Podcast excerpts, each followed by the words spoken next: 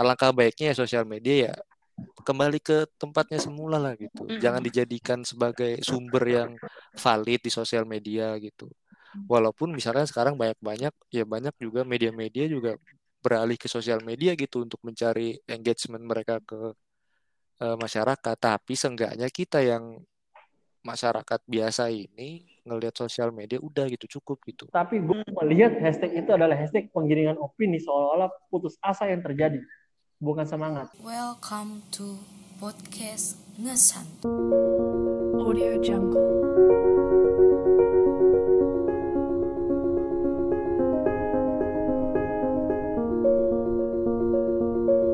Audio Jungle.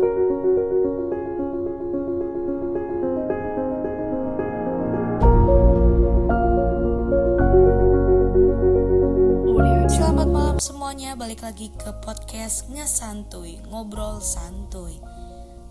Malam ini eh, bersama gue Dianti Zilda, gue bakal nemenin kalian selama waktu yang tidak ditentukan. Podcast ini sangat menginspirasi serta mengedukasi untuk para pendengar. Tentunya di sini enjoy aja. Dan buat para pendengar, stay tune.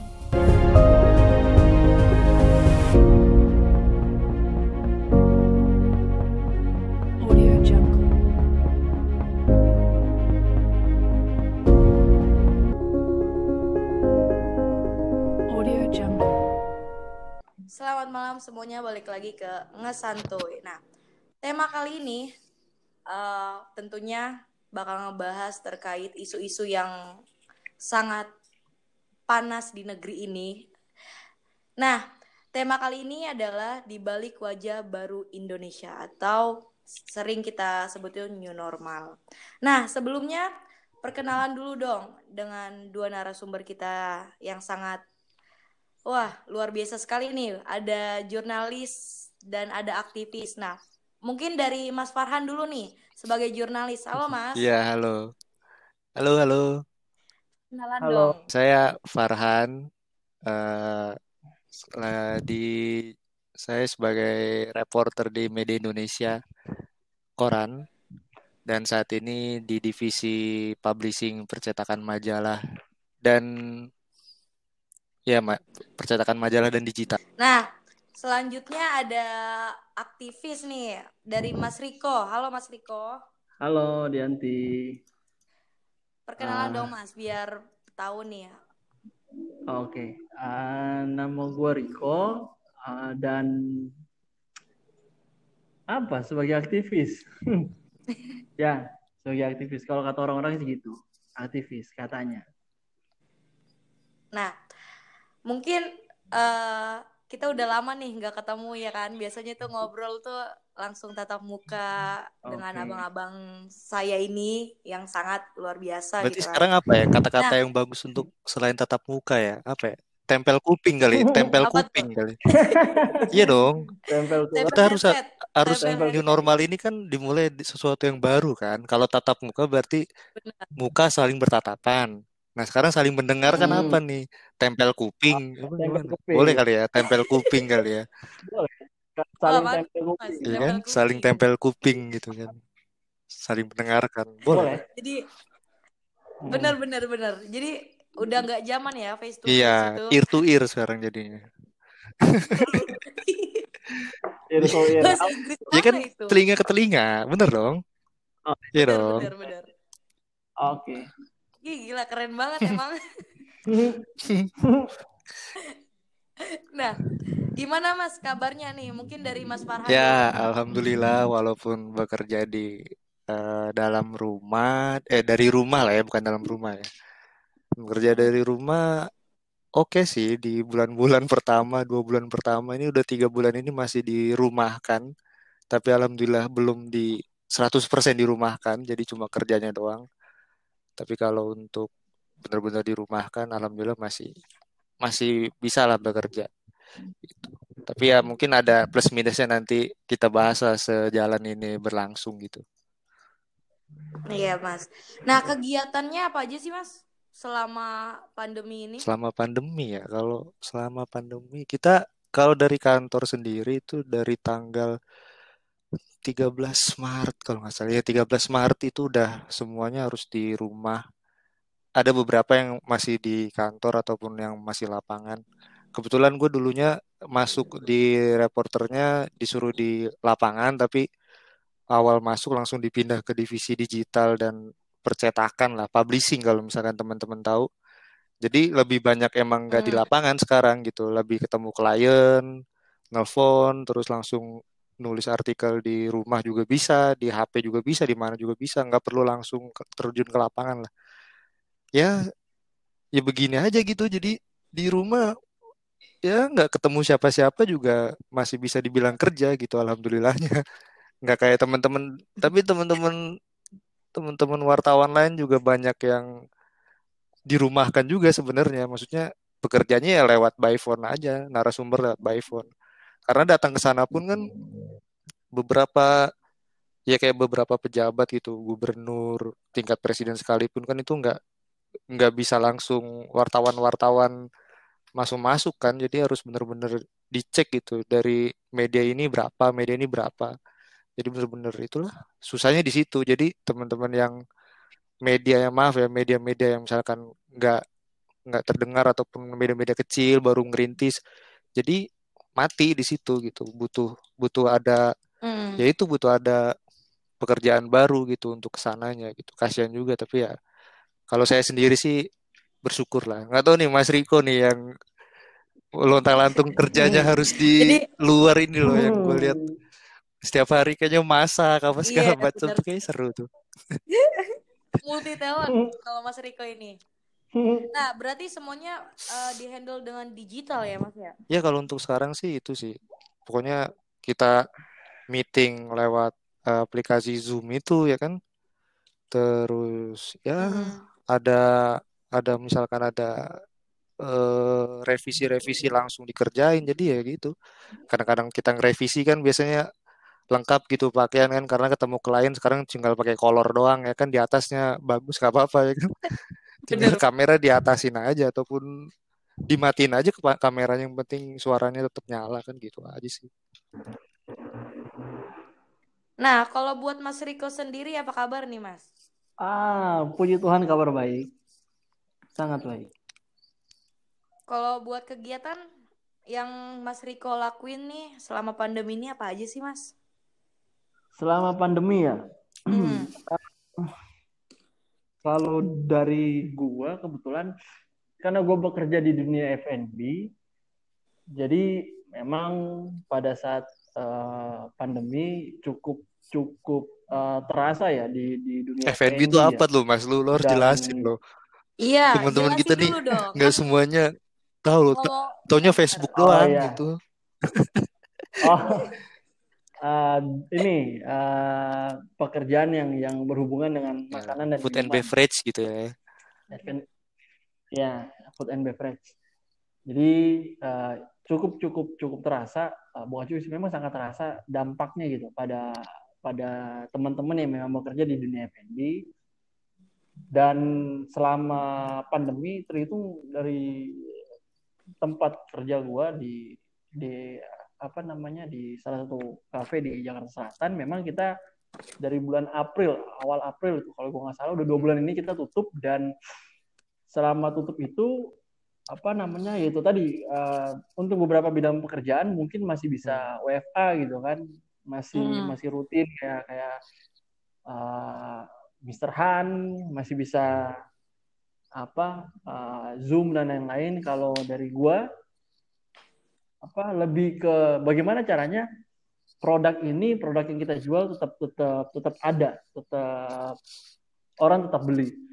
Jadi kita pindahkan dapurnya ke dapur dua. Jadi tempat kerja gue kebetulan punya dapur yang kedua jadi kita pindahkan ke sana.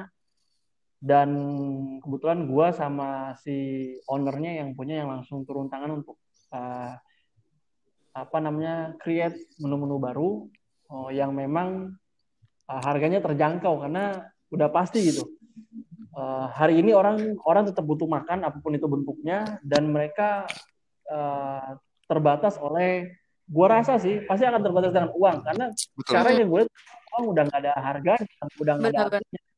berapapun biayanya pasti mereka akan keluar apa di, di dikeluarin yang penting makan Nah, itu kita coba coba untuk bikin bikin menu makanan yang memang bisa terjangkau oleh beberapa orang makanan ataupun minuman itu selama dua bulan kita bikin itu tetap Tapi berarti itu udah udah mulai uh, ini dong ya, Mas ya. Sorry nih gue potong.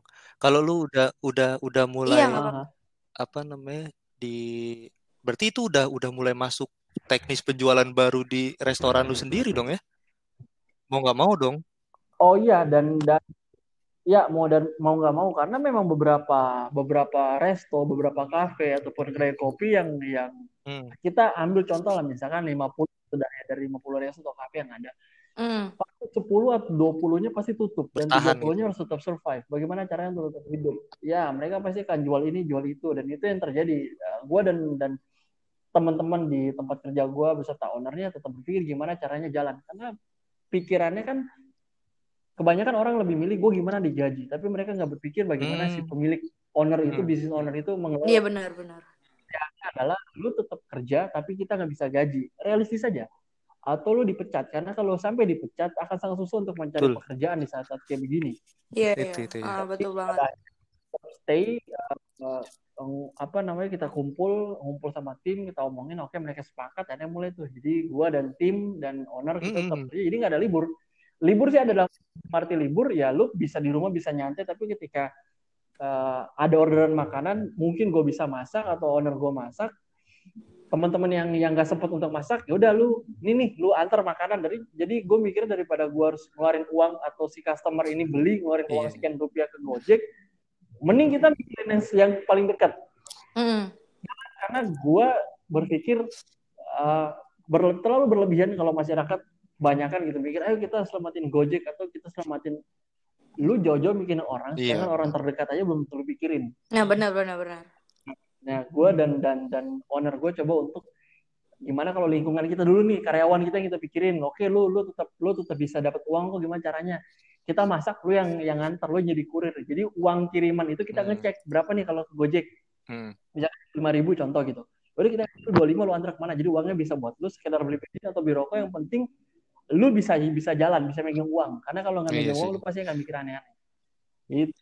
Jadi selama dua bulan selain gua dan owner gua dan tim ini uh, masak, bikin menu-menu baru atau bikin minuman baru, ya gue juga masih sering kok diskusi sama teman-teman yang lain. Gua baca buku, terus ya masih ketemu dengan beberapa orang sih itu aja. Wah, ketemunya juga maksudnya bukan yang rutin tiap hari ketemu, enggak. Kayak Iya. sehari, seminggu berapa kali ketemu, ngobrol, ya itu aja sih. Kurang lebih itu sampai hari ini. Iya kan Gitu. yang eh, Dianti tahu gitu di mana kafe Mas Riko ini nyediain eh, sering bedah buku ya Mas ya? Sebenarnya bukan di kafenya, guanya. Oh, Kalau gabung itu biasanya gue lebih kayak apa yang gue baca, gue ngobrol sama owner gue karena kebetulan eh, owner gue juga, maksudnya bukan cuma sekedar bicara dia ada seorang business owner di dunia F&B, tapi dia juga punya ya itulah yang nggak bisa gue sebutin. Jadi gue ngobrol banyak, sharing tentang eh, buku apa, terus apa sih informasi eh, terupdate hari ini. Karena ya kalau gue sebagai ya nggak tahu kalau Farhan di di jurnalis ya tapi kalau di FNB kita sangat perlu untuk tahu perkembangan hari ini.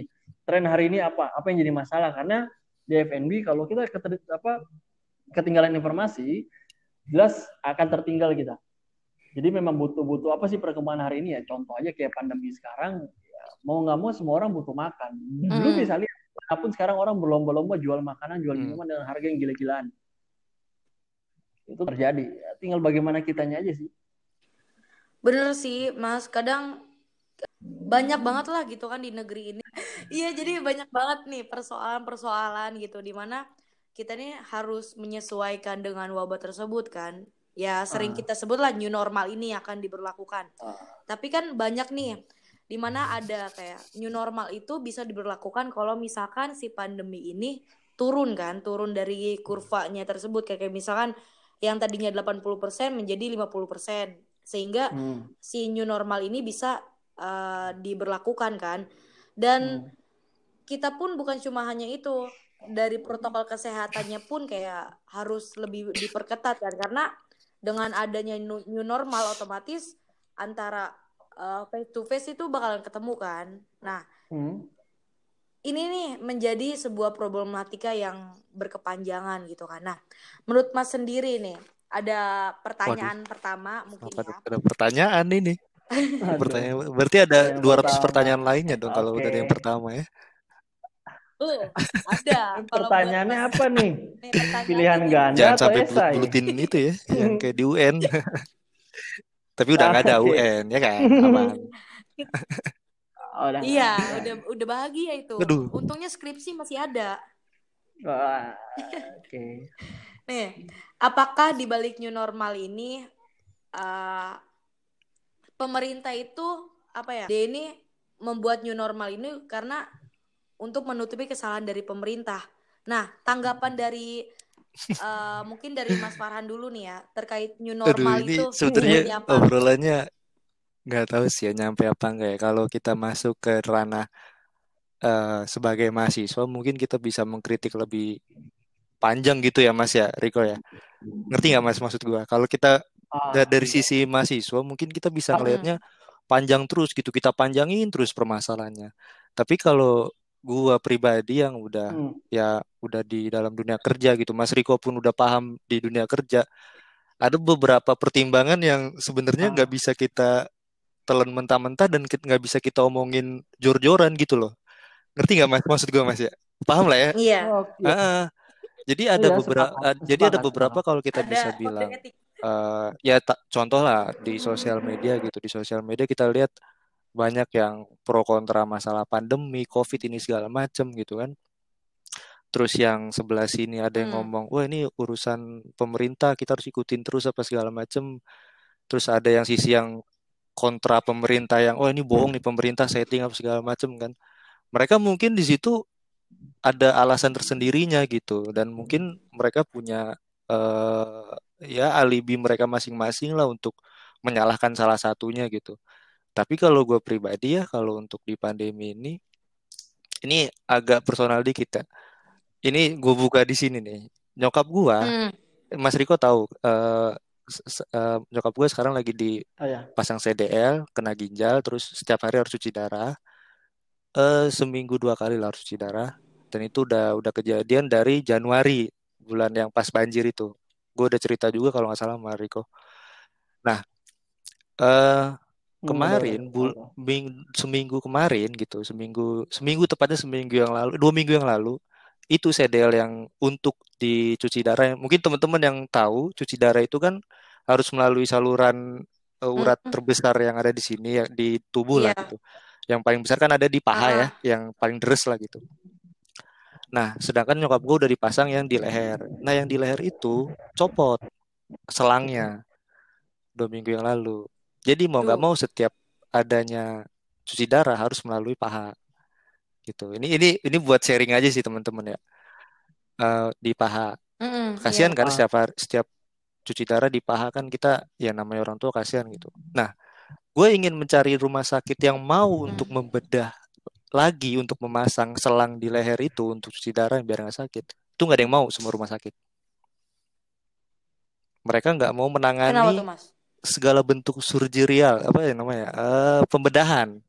Pembedahan yang notabene tidak darurat gitu yang bisa dilakukan kapan saja sebenarnya gitu. Kalau tabrakan kan kaki putus kan langsung mau nggak mau kan langsung di ini ataupun melahirkan yang harus Iya. benar-benar brojol gitu.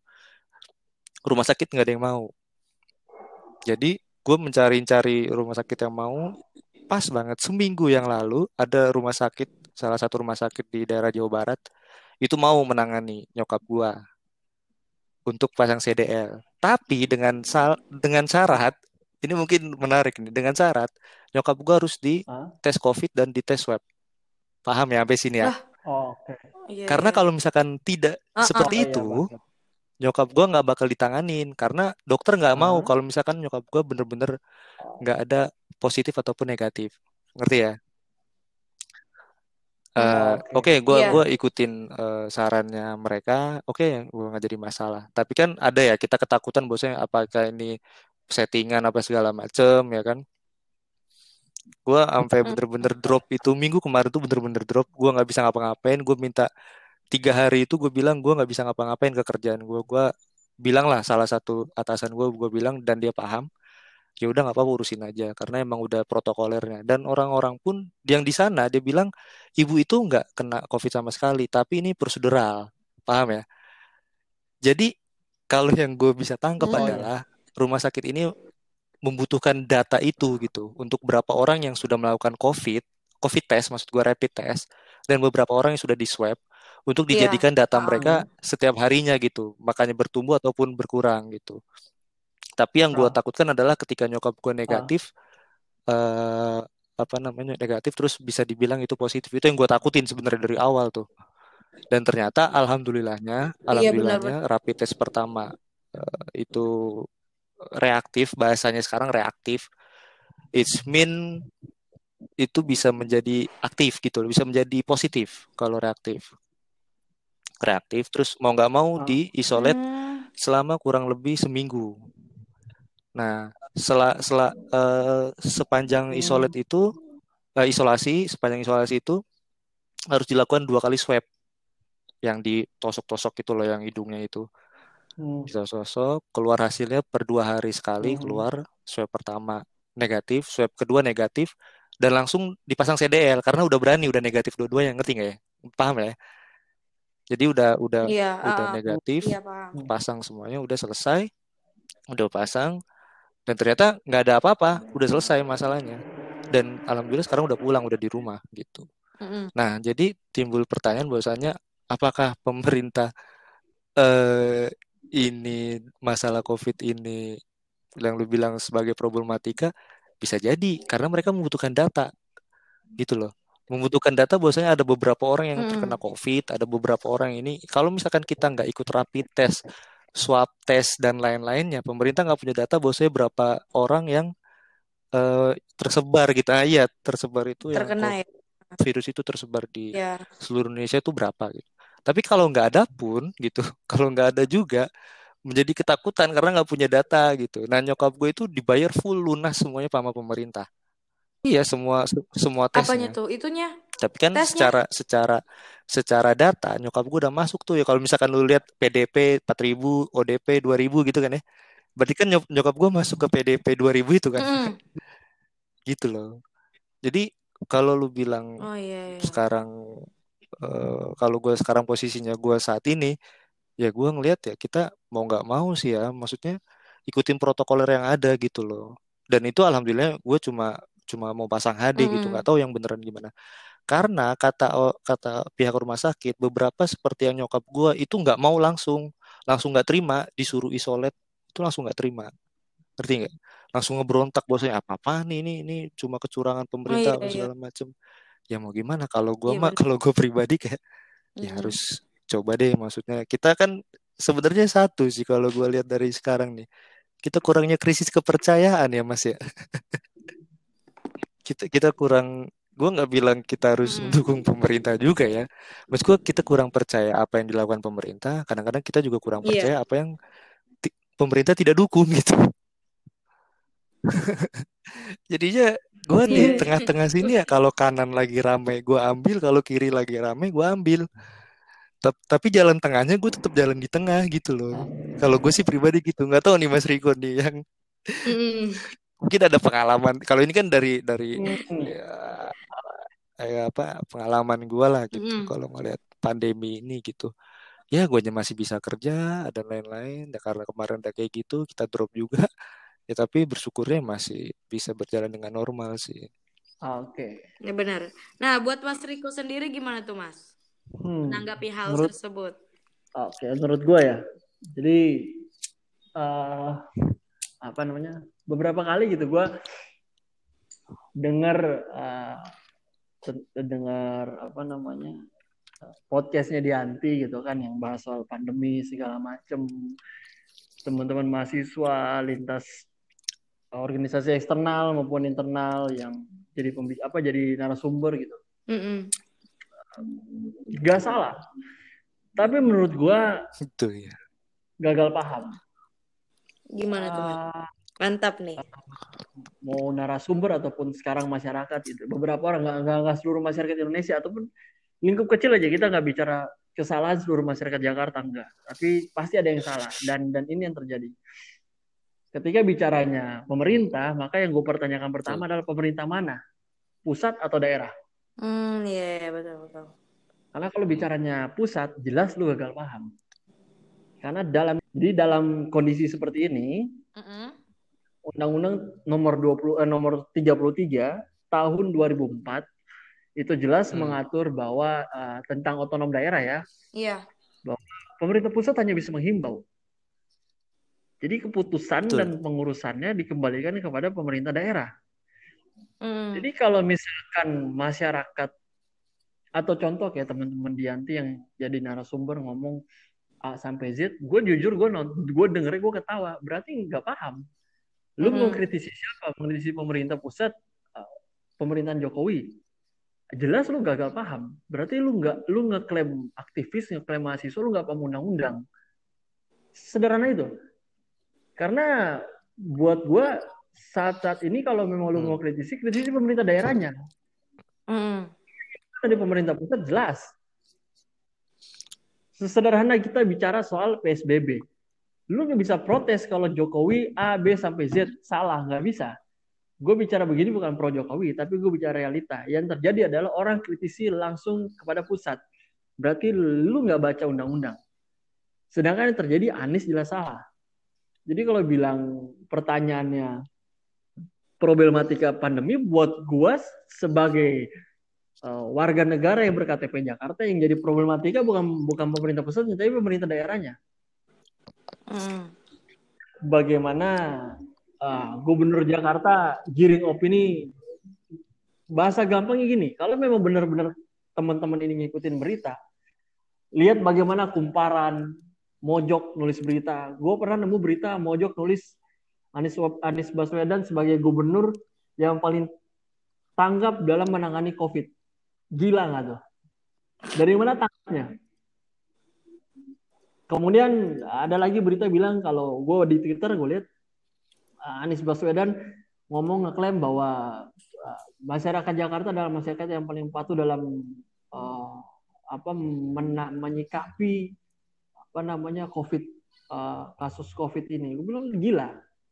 Karena dia ngeklaim tidak berdasarkan data dan itu sama sekali pembohongan publik. Mm-mm.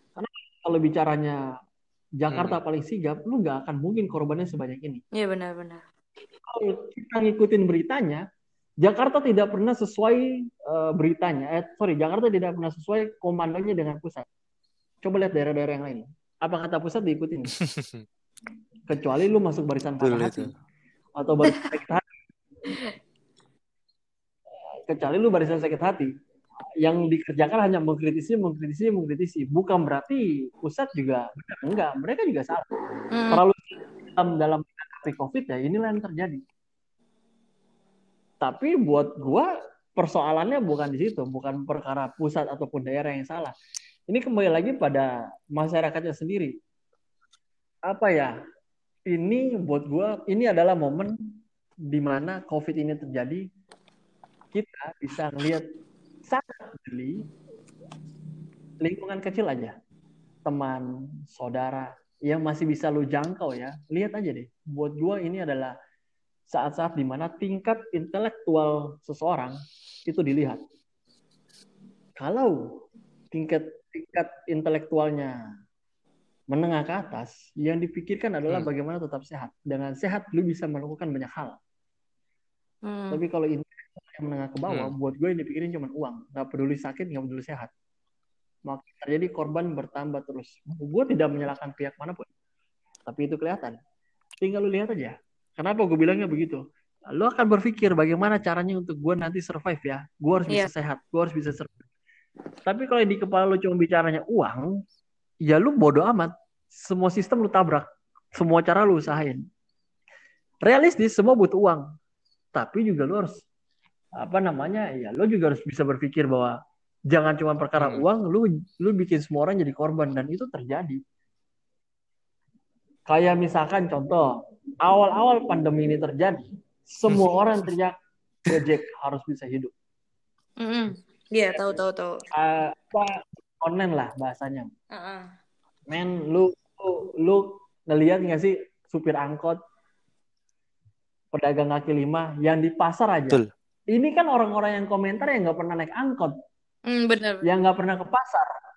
Ini kan orang-orang yang nggak pernah ke pasar. Siapa pun mahasiswa, gue Hmm. berani jamin. Berapa banyak sih mahasiswa yang ke pasar? Nggak usah bicara pasar pinggir jalan. Ke pasar induk aja. Contoh deh nggak usah jauh-jauh. Berapa banyak sih mahasiswa yang datang ke pasar di Ciledug, daerah Jakarta Barat aja. Malam-malam belanja. Berapa banyak mahasiswa yang datang ke pasar Kebayoran? Sebelum kasus kemarin Kebayoran rame. Mm-mm.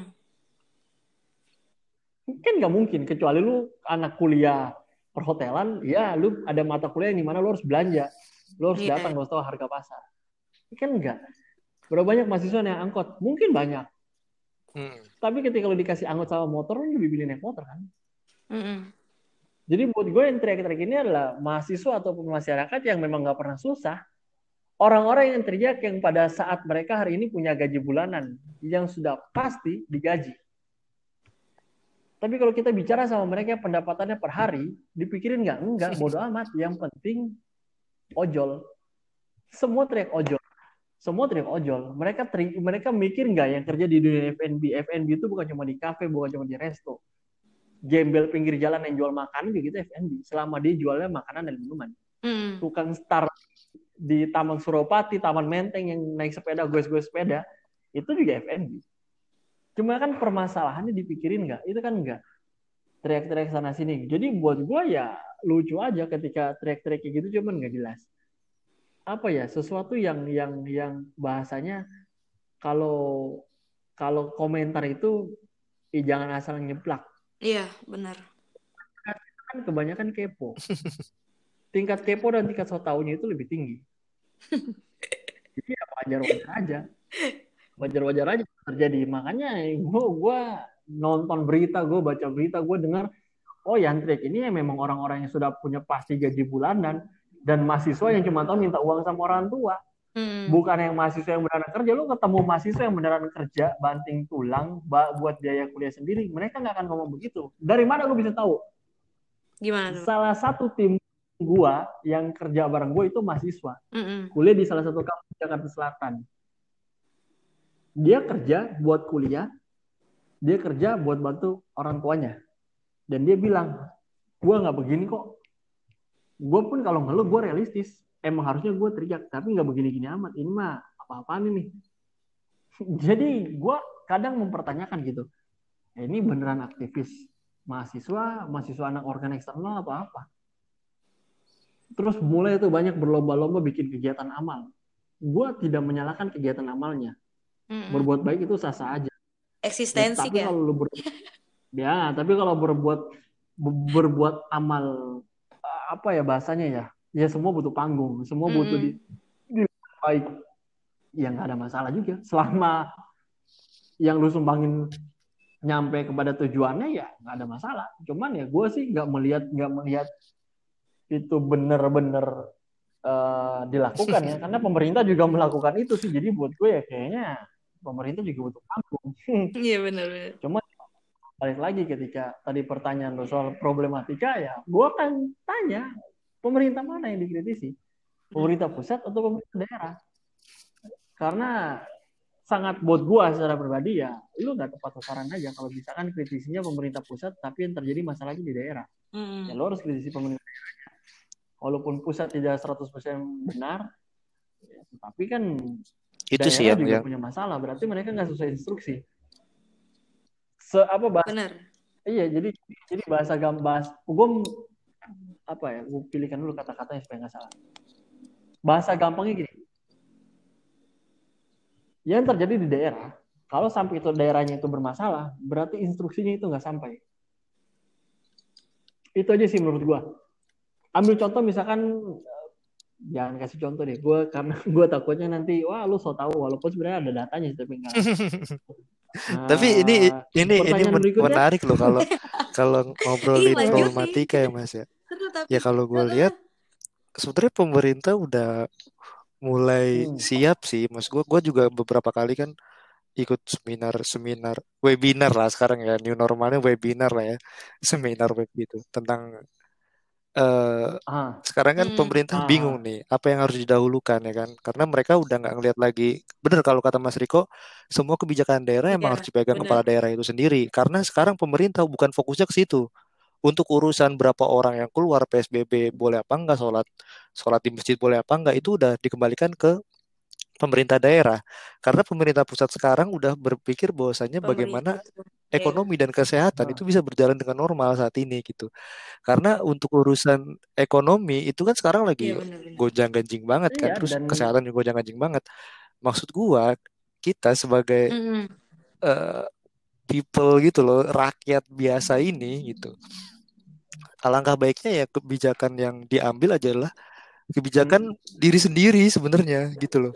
Tidak melihat pemerintah sebagai pemilik kekuasaan regulator Oh, dan iya. kita nggak bisa juga ngelihat eh, pemerintah daerah as otonomi gitu loh yang bisa ngapain aja kita keluar ditilang gitu kan kita risih juga gitu kan. Makanya yang gue lihat adalah seberapa banyak orang di luar Hmm. sana Ah. yang benar-benar fokus untuk eh, bersosialisasi ataupun benar-benar membantu sesama. Mas gue itu udah udah jadi kebijakan lu masing-masing gitu loh, nggak usah lu sebarin lagi karena yang di pusat udah memikirkan itu gitu, yang di daerah juga memikirkan itu. Kalau lu juga ikut memikirkan itu, jadi rame cuy jalanan gitu loh, ngerti nggak mas gue? Itu loh, mas gue paham gak mas? Kalau Iya. kalau lu misalkan Riko nih yang gue Iya. lihat misalkan di, di di FNB gitu, udah cukup gitu loh, lingkup kecil lu aja yang lu mainin gitu, karena udah menjadi kebijakan lu sendiri. Kalau lu ikut campur kebijakan daerah ataupun lu ikut campur nih misalkan yang nggak tahu apa-apa ini loh mas, ikut campur masalah pemerintah pemerintah pusat, lu malah bikin rame dan. Oh dan bikin wabah ini nggak kelar-kelar gitu. Iya.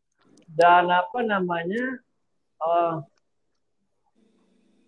selama pandemi ini Hmm. yang gue miris ada ah, teman-teman masyarakat Indonesia ya atau Jakarta lah nggak usah Indonesia terlalu gede kayaknya Mm-mm. Jakarta lah Jakarta sebagian gitu lah mereka itu buat gue cukup egois kenapa karena yang dipikirkan hanyalah ojek online Iya benar-benar Lu- benar. teman-teman kerja di dunia Iya. entertain. Bukan bicara artis ya. Entertain itu bukan bicara artis, Bro. Banyak. Mereka yang menggantungkan hidup pada dunia Habis seni. sudah.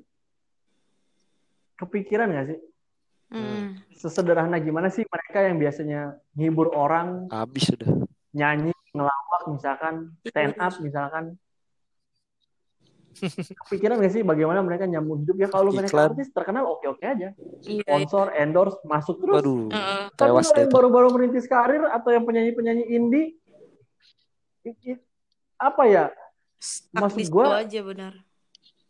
Ya dan dan dan ya itu tadi sih ketika susah. Ini yang terjadi sih yang gue lihat orang Indonesia, Emang paling seru tuh ngomongin Jakarta, Jakarta gitu, umumnya, ya ke Jakarta lagi ya deh. Kalau ah, kalau udah benci sama orang, mau dia berbuat baik Susah. pasti benci. Uh-uh. Ujung-ujungnya susah. Dan temen gue pernah nanya gini, waktu gue diskusi, menurut lu sekarang mahasiswa gimana? Gak ada pergerakannya. Mahasiswa hari ini bergerak untuk organisasi eksternal, bukan bergerak mengatasnamakan rakyat. Karena kalau dibilang mahasiswa adalah agen perubahan, buat gue kalau cuma sekadar agen, tukang minyak juga agen, beras juga agen. Tuh. Hmm. Jadi hari ini mahasiswa bergerak mengatasnamakan organisasi eksternal. Kepentingan apa yang mereka sampaikan? Lihat aja. Seminar, diskusi, kepentingan senior, kepentingan organisasi senior. Omong kosong hari ini mahasiswa itu. Mm. Cuma bisa komplain, kritisi, ajak duduk kita bahas. Nggak akan paham. Karena buat gua apa ya? Ya, gua pernah jadi mahasiswa. Farhan pernah jadi mahasiswa. Dianti mungkin pernah jadi mahasiswa. Iya. ketika lu berpikir sebagai seorang mahasiswa, lu akan begitu. Mm-mm. Sudah selesai jadi mahasiswa, tetapi pemikiran lu adalah seorang mahasiswa, lu juga akan tetap begitu. Maksud gua, mengkritisi itu perlu, idealis perlu, tapi realistis juga harus. Kebanyakan kan dari teman-teman kita ini ngobrol itu atau diskusi hanya berdasarkan data dari televisi. Gak pernah mau cari sumber yang lain. Temen gue kuliah di Amerika, uh, Washington. Gua ngobrol sama dia tentang perkembangan pandemi di sana. Mm-mm. Dia bilang di Amerika santai aja Donald Trump nggak ngasih komando yang harus PSBB enggak semua mau kerja yang kuliah kuliah yang kerja kerja aktivitas sehari-hari berjalan normal tapi kan yang dilihat oleh kita adalah ya mereka kerja normal kan nggak dilihat tuh apakah mereka juga jaga jarak atau enggak Iya. nah itu pertama yang kedua COVID ini kan gennya banyak. Macam-macam. gen yang di Indonesia dan yang di Italia, di, di Amerika, di Cina, di Prancis, di Inggris masih berbeda. Cara penanganannya juga berbeda. Lalu kemudian masyarakat kita berlomba-lomba menyamakan. Kok Amerika bisa, kok Italia bisa lebih cepat sembuh atau Cina, kok kita nggak bisa? Sesederhana kalau bisa kan gue kembalikan. Masyarakatnya tertib, masyarakatnya disiplin. Iya benar. Apa kabar hari ini kita di Indonesia? Lalu kalau dibilang PSBB itu efektif buat gue enggak. Enggak sama Awal pertama kali PSBB PSBB diberlakukan di Jakarta masih rame, gue masih nemuin Jakarta macet di daerah Jakarta Selatan. Kan di yang di di di, di dikeluarkan di media kan cuma Jakarta Pusat, Mm-mm. bukan Jakarta Barat, bukan Jakarta Selatan, Jakarta Timur, Jakarta Utara. Kalau mau adil keluarkan dong beritanya semua. Kenapa ditutup-tutupi? Iya benar. Kan begitu. Aduh. Bukan begitu, Mr. Han. Nih, Mas Farhan gimana menanggapinya? Karena Mas Farhan ini Tapi tapi memang maksudnya gue bukan menyalahkan media enggak, bukan menyalahkan Farhan sebagai orang enggak, tapi memang kenyat, kenyataannya begitu. Kenapa disorot selalu pusat? Kenapa nggak sorot Jakarta Barat yang lagi macet-macetnya Tangerang, Uh, Tangerang Jakarta banget. Selatan. Utara, Jakarta Timur itu terjadi loh. Jadi Nah, pembohongan ini, ini, publik ini, juga ini. terjadi, Ini penggiringan menarik opini juga terjadi. Bukan, bukan. Apa ya? Mungkin ada kode etik. Apa ya? Jadi jadi jadi jadi jadi opini opini itu dibentuk seolah-olah eh, ibu kota terlihat baik-baik saja. Oh, tai bebek lah, nggak ada baik-baik aja. Nggak ada mana terjadi baik-baik aja. Kemudian di daerah luar Jakarta, Nggak bisa. luar Pulau Jawa membandingkan dengan apa yang terjadi di ibu kota, ya jelas salah. Karena yang lu lihat, karena yang lu lihat cuma di TV dan yang di TV itu cuma sebagian. Pun ketika lu ada narasumber, apakah dia akan bicara bahwa Jakarta Jakarta itu baik-baik aja? Apakah dia keluar? Gue bisa bicara begini karena gue lakukan. Gue malam masih keluar. Apakah nongkrong? Enggak. Gue harus ke pasar, pakai masker, belanja bahan makanan, buat masak, tidur pagi gue udah harus masak lagi, bangun siang kalau ada ketemu gue apa namanya ketemu orang eh, buat bahas bagaimana situasi hari ini tentang dunia F&B kita meeting. Ketemu ngobrol kita masih ketemu. Pakai masker jaga jarak masih bahas itu. Sambil ngerokok kadang-kadang sambil ngopi. Eh eh gue masih masih melakukan itu masih tahu dan apakah gue baik-baik aja? Jelas gue baik-baik aja karena seminggu lalu gue gua eh, berkesempatan untuk eh, rapid test di Kowani. Reaktif. Eh, Jakarta Pusat di Menteng sana Kowani. Dan hasilnya negatif. Negatif sih. Mm. hasilnya negatif. Iya ya bahasanya sih negatif. Ya, jadi gua, gua, gua bukan perkara lu baik-baik aja terus lebih enggak kan baik lagi lu apa bahasanya aware nggak sama diri lu sendiri Eh, gitu Be- ya aware bahasa beware sama Inggrisnya aware kan, tuh kan. beda loh. Beware sama aware tuh beda. Eh, lu lu lu ah, Berhati-hati. aware, aware.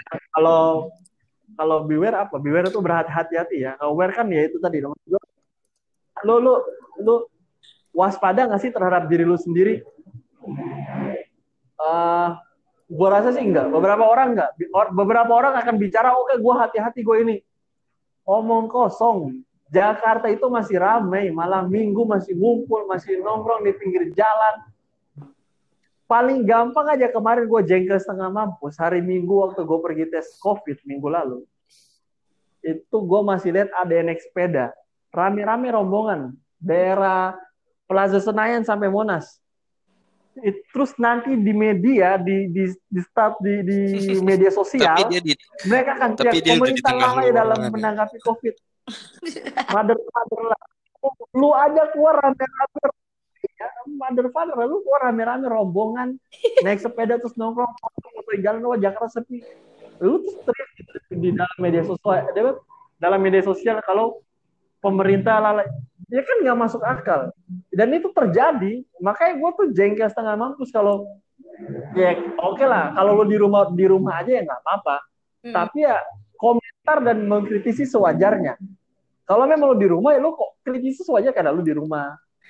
Makanya gue tuh sering banget sering banget gue teman-teman gue ada yang ngechat atau sekedar nelpon nanya gimana. Gue bilang kita ketemu deh kita ngobrol gue tidak bicara berdasarkan data tapi gue bicara berdasarkan fakta karena gue melakukan Mm-mm. dari bulan April ketika tempat kerja gue memilih untuk tutup selama PSBB, apa yang terjadi? Apakah gue diam di rumah aja? Oh, enggak, gue gak WFA. Kita, gue masih ketemu orang, masih naik mobil, ketemu di sana di sini, masih bahas ini itu, masih bahas... Jadi buat gue ya, apa ya? Jujur aja lah terhadap informasi Iya. kerja, mau itu mahasiswa, berteriak tidak pada porsinya. Gue sebagai pekerja di dunia F&B ya gue kan berteriak sewajarnya karena memang Iya. begini adanya. Farhan sebagai jurnalis mungkin akan seperti itu ya sewajarnya dia. Tapi kalau kita lihat media sosial hari ini, teman-teman kita banyak banget. Gue juga merasa itu teman-teman gue juga banyak banget yang ngomong sekenak-kenaknya dia. Ah ini, ah ini, ah ini. Bahkan awal-awal eh, COVID masih di Indonesia, gue pernah dengar jadi eh, teman gue yang di tempat kerja gue itu dia ngirim gue video. Bukan ngirim sih dia nunjukin gue video. Ada salah satu ceramah ceramah ustadz dia ngomong hari ini Indonesia terkena corona itu karena Habib Rizik tidak dipulangkan ke Indonesia Jih, belakang gue mikir ya anjing beritanya ke mana-mana disambung-sambungin ya jadi ya sah-sah aja dan ingat tidak ada yang salah Mm-mm. Kenapa gue bilang tidak ada yang salah? Selama masih ada yang dengar berita itu, dan selama masih ada yang membenarkan, berarti itu nggak salah. Dia punya pasar untuk nyebarin beritanya. Salah nggak? Enggak. Yang salah adalah ketika kita memaksakan opini kita untuk sama dengan orang lain. Atau sorry, yang salah adalah ketika kita memaksakan opini orang lain untuk sama dengan opini kita. Oh, buat gue sih itu. Kan Gimana? nggak Menurut teman-teman nggak ada nggak nggak ada teman-teman yang lain kita doang Farhan dan. Dianti? mantap sih. Oh iya, maksudnya Ya Farhan dan gimana ya? Kalau kalau kalau gue ya problematika Gimana tahu mas? nih. Eh Dianti ini kan baru lulus lah ya hitungannya ya lah ya. Baru banget lulus gitu. Kalau untuk gue pribadi ya, Mm-mm. ayolah teman-teman yang ya gampangnya gini lah ya, lu yang nggak perlu-perlu amat boleh lu nongkrong gitu loh, boleh lu ke mana juga emang hak lu gitu, lu mau nyari duit mau nyari apa emang hak lu gitu. Tapi tolonglah kita yang emang bener-bener ini klise sih, tapi kita yang bener-bener kerja yang harus di lapangan itu, Iya. kita harus diharga, harus hargai lah gitu teman-teman yang di lapangan gitu.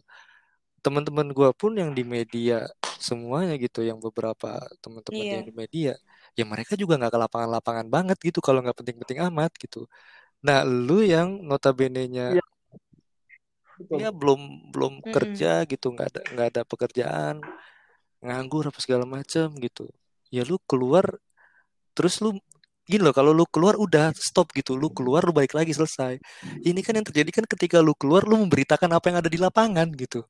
Itu sebenarnya ya yang gua yang gua agak risih gitu ngeliat ngeliat sosmed tuh aduh Jakarta macet. Iya. padahal dia di situ di tengah gitu loh. Ngerti gak mas?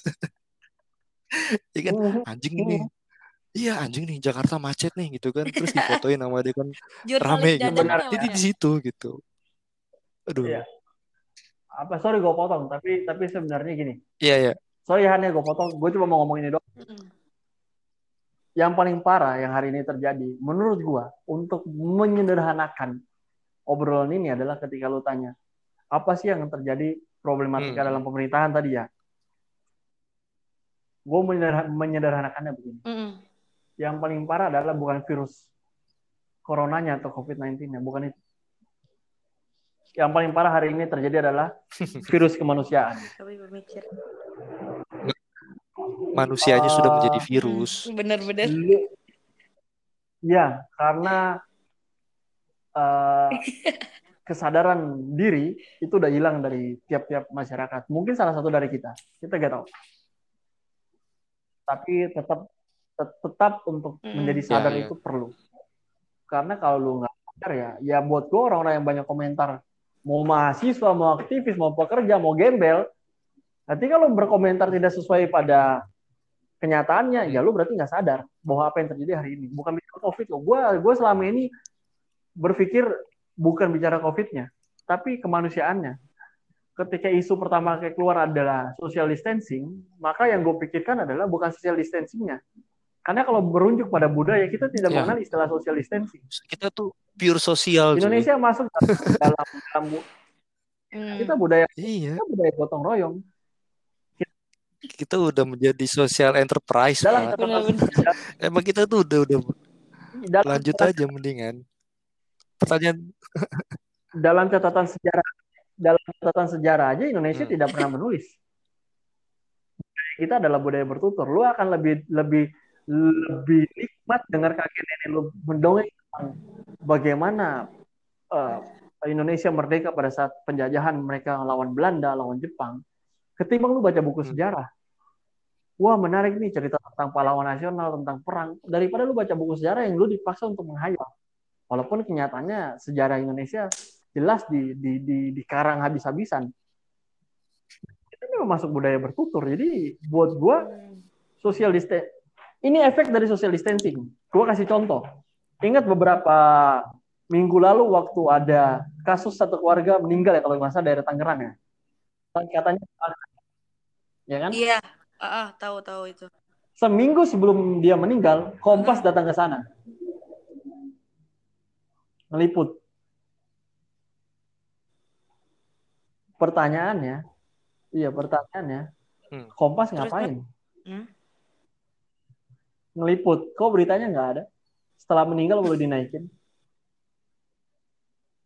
Dari situ aja kita udah bisa ngeliat. Udah nggak bicara kemanusiaan. Kepentingan berita kan?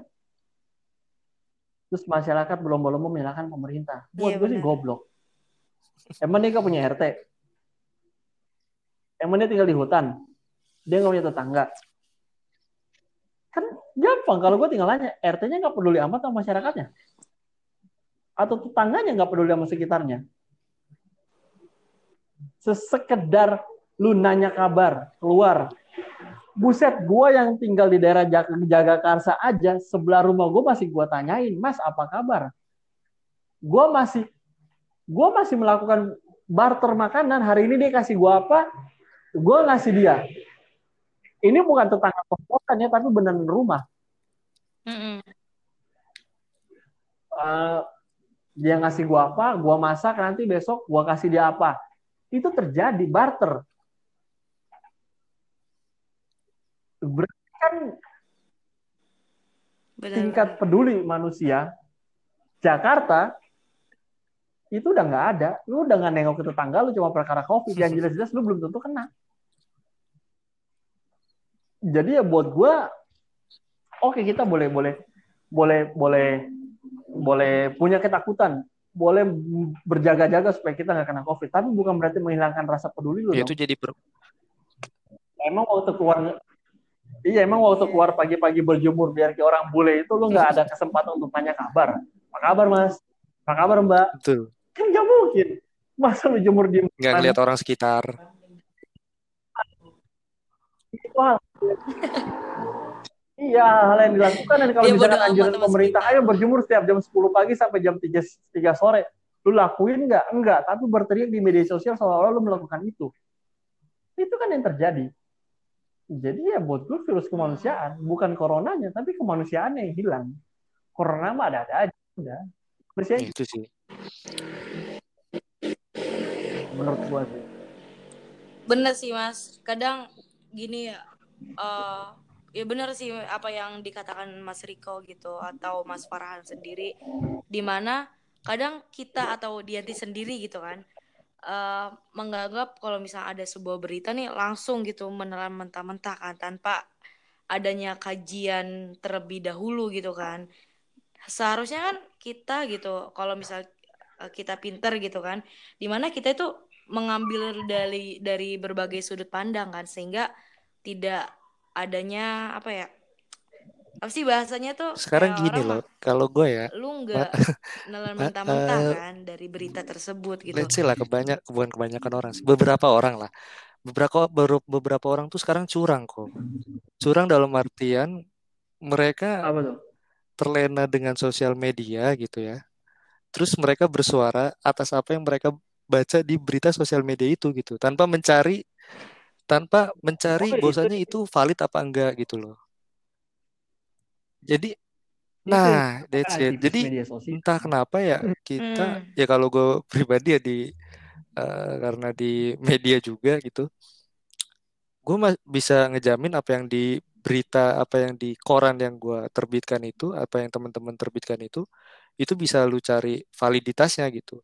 Yang jadi permasalahannya adalah ketika berita gue itu Hmm. sudah naik ke sosial media gitu, nah itu udah jadi ke sosial media dan udah menjadi bisa dimakan secara Hmm. jadi mereka tuh makan berita itu ditambahin bumbu-bumbu dari berita lain gitu loh.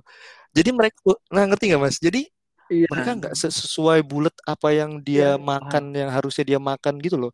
Dia harusnya makan nasi doang nih. Karena dia udah bisa makan nasi itu di sosial media kan banyak Ah. tuh berita-berita lain ditambahin lah berita ini, berita ini, Ah. berita ini, berita ini.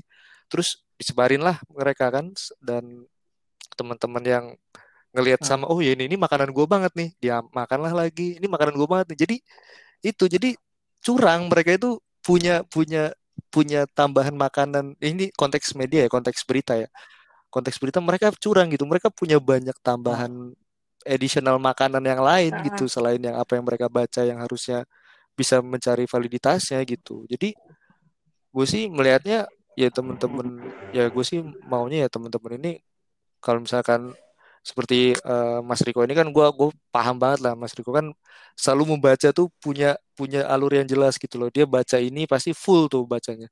Tapi kan teman-teman yang teman-teman yang tahu berita Kompas yang kayak tadi nih berita Kompas yang kayak tadi kita kan nggak tahu. Iya, nggak sebenarnya Kompas sudah datang seminggu sebelumnya gitu loh. Oh iya. siapa yang tahu Kompas datang se- sebelumnya? Karena kan Iya. Riko tahu validitas itu gitu. Setengah. tapi orang yang nggak tahu cuma ngelihat setelahnya gitu. Mungkin kan ya apa ya teman-teman Ah, ini iya. kasihan gitu ya gue bilang sih kalau gue pribadi ya gue bilangnya curang mereka mereka Sebenarnya kalau Hmm, menurut menurut iya, gua bukan bukan curang. Sorry gue potong mas. Maksudnya gue begini. Itu orang-orang kerjaan aja.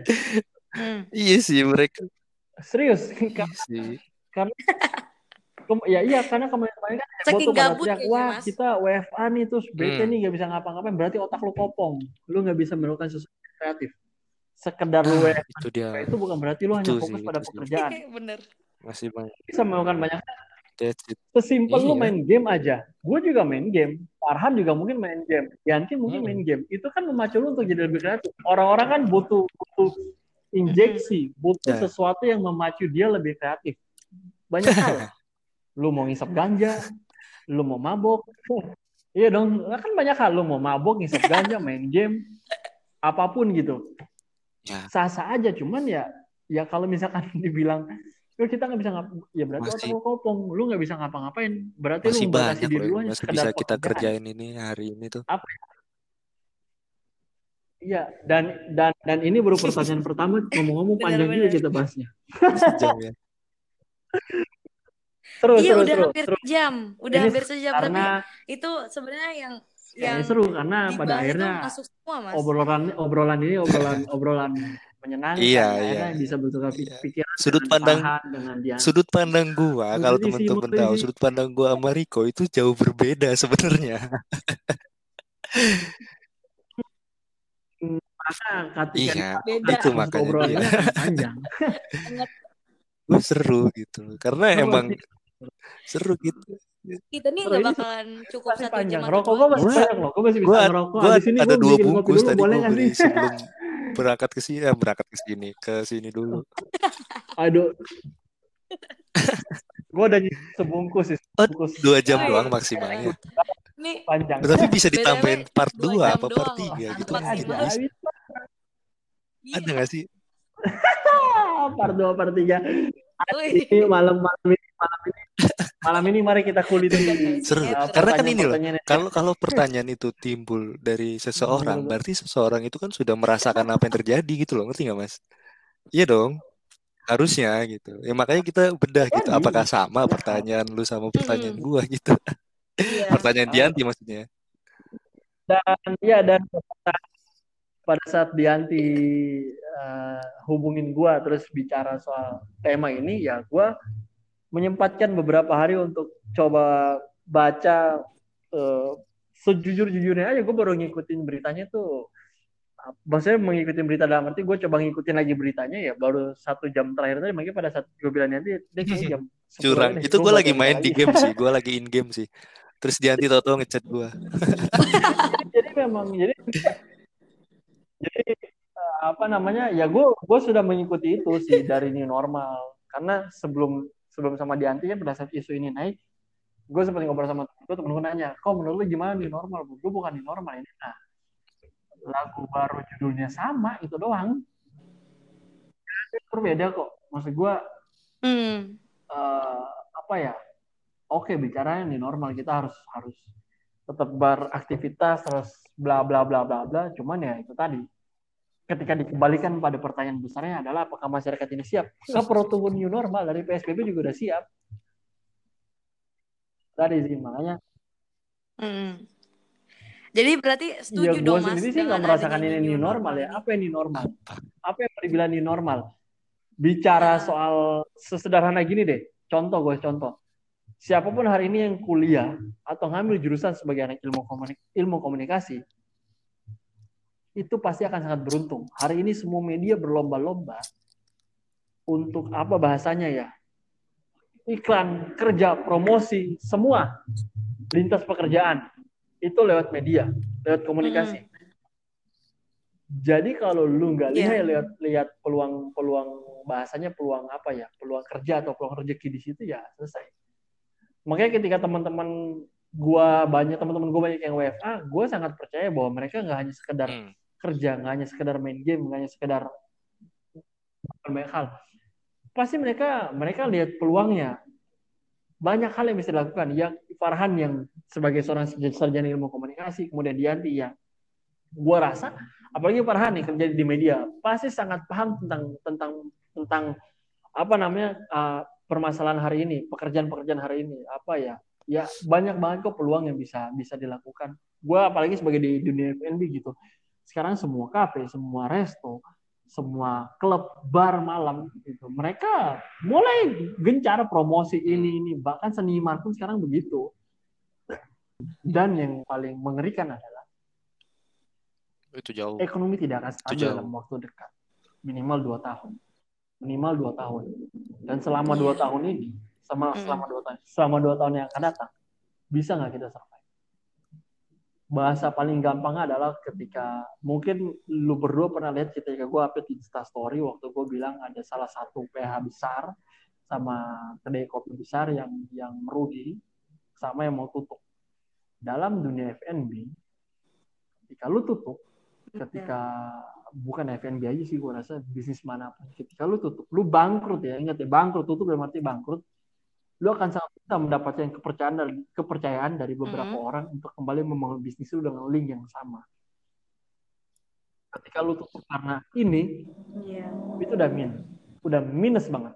Karena orang akan lu aja nggak bisa survive dalam kondisi paling parah. Gimana lu bisa bangun lagi? Sekalipun lu punya nama besar sekalipun lu punya banyak uang orang akan kecuali lu mau jor-joran tuh ngabisin lu mau ngebakar uang untuk dapat dapetin lagi pelanggan lu dapetin lagi customer lu. Tapi kalau merintis dengan uang yang yang lu nggak kaya tapi cukup kaya lu nggak miskin tapi cukup cukup mencukupi gitu sangat susah. Jadi jadi buat gue melihatnya ah ke depan cukup berat karena ekonomi akan sangat berantakan. Um, apa ya uh, penyembuhan ini akan butuh waktu lama dan gue sangat menggarisbawahi kalau hari ini banyak orang yang bilang begini PSBB ngapain kita keluar rame-rame bikin tambah aja korbannya gue ketawa kenapa kita nggak keluar dalam waktu yang lama perputaran ekonomi tetap tidak terjadi maka lu udah harus siap dengan resiko paling besar ada penjarahan di mana-mana. Men, ekonomi itu nggak terjadi. Bisa aja Iya, hari ini gue ngejar rumahnya Farhan. Farhan datang ke kafe gue dijarah semuanya. Bisa terjadi? Bisa. Jadi yang dipikirin oleh teman-teman ini, jangan lagi berpikir bagaimana lu lu tadi gue bilang bahwa ya lu mesti berpikir diri lu sendiri bagaimana lu bisa selamat segala macam. Iya, tapi bukan lagi lu dengan dengan egois yang ngapain sih keluar kan kita baik-baik aja ngapain sih kerja lagi ngapain ngumpul-ngumpul ngapain sih masih jualan masih ini men lu nggak bisa nggak bisa ngomong gitu kalau lu nggak merasakan kalau ekonomi nggak berjalan penjarahan di mana-mana itu kan yang sebenarnya diantisipasi oleh pemerintah jadi ya Iya. gitu Nah mungkin terakhir nih pesan untuk pendengar mungkin ya agar lebih begini gue pikir ada Iya, diskusi yang lebih panjang aja. daripada ini masalahnya cuma dua jam doang nggak bisa oh ya udah kita itu, soalnya. maksimalkan aja dua jam. Nanggung nanggung amat. Betul. iya dong. Bukan begitu Mister Han. Kalau misalnya ngebahas kayak pernah nggak sih mas-mas ini ngedengar kalau misalnya jadi kan dulu tuh Indonesia kan pernah uh, mengalami wabah besar-besaran kan waktu pas zaman apa gitu lupa yang katanya wabah flu burung atau Flu dan burung, lain flu burung, flu burung. waktu pas zaman dulu. Apa? Suara pernah nggak sih ngedengar burung. itu? Eh, di zaman dulu gitu kan. Dia tuh pernah baca gitu di IG-nya eh, politik hukum apa apa gitu. Lupa. Nah itu di mana Indonesia ini tidak belajar dari sejarah gitu. Kan dulu itu eh, ada wabah nih dulu itu pada zaman dulu ada wabah yang Hmm. menyerang negeri ini juga nah dengan menerapkan sistem yang sama gitu sama yang telah diterapkan oleh saat ini kan. Nah, tanggapan Mas-mas sendiri tuh mengenai hal tersebut tuh gimana Hmm. gitu? Mungkin dari Mas Riko gini ya sendiri kalau mungkin. menurut gue ya apa ya sebenarnya kalau tadi dia bilang apa pemerintah nggak nggak apa nggak belajar dari se- se- apa sejarah. Ya tinggal gue kembalikan. Masyarakatnya sejarah. belajar dari sejarah nggak? Mm, yang ngomong itu kan berarti dia pernah melewati fase itu. Mm, anggap aja begitu ya. Nah dia belajar dari itu enggak Iya. kadang-kadang orang gampang mengkritisi tanpa berpikir terhadap diri sendiri. Pertama tuh. Yang kedua eh gue akan menjelaskannya begini jadi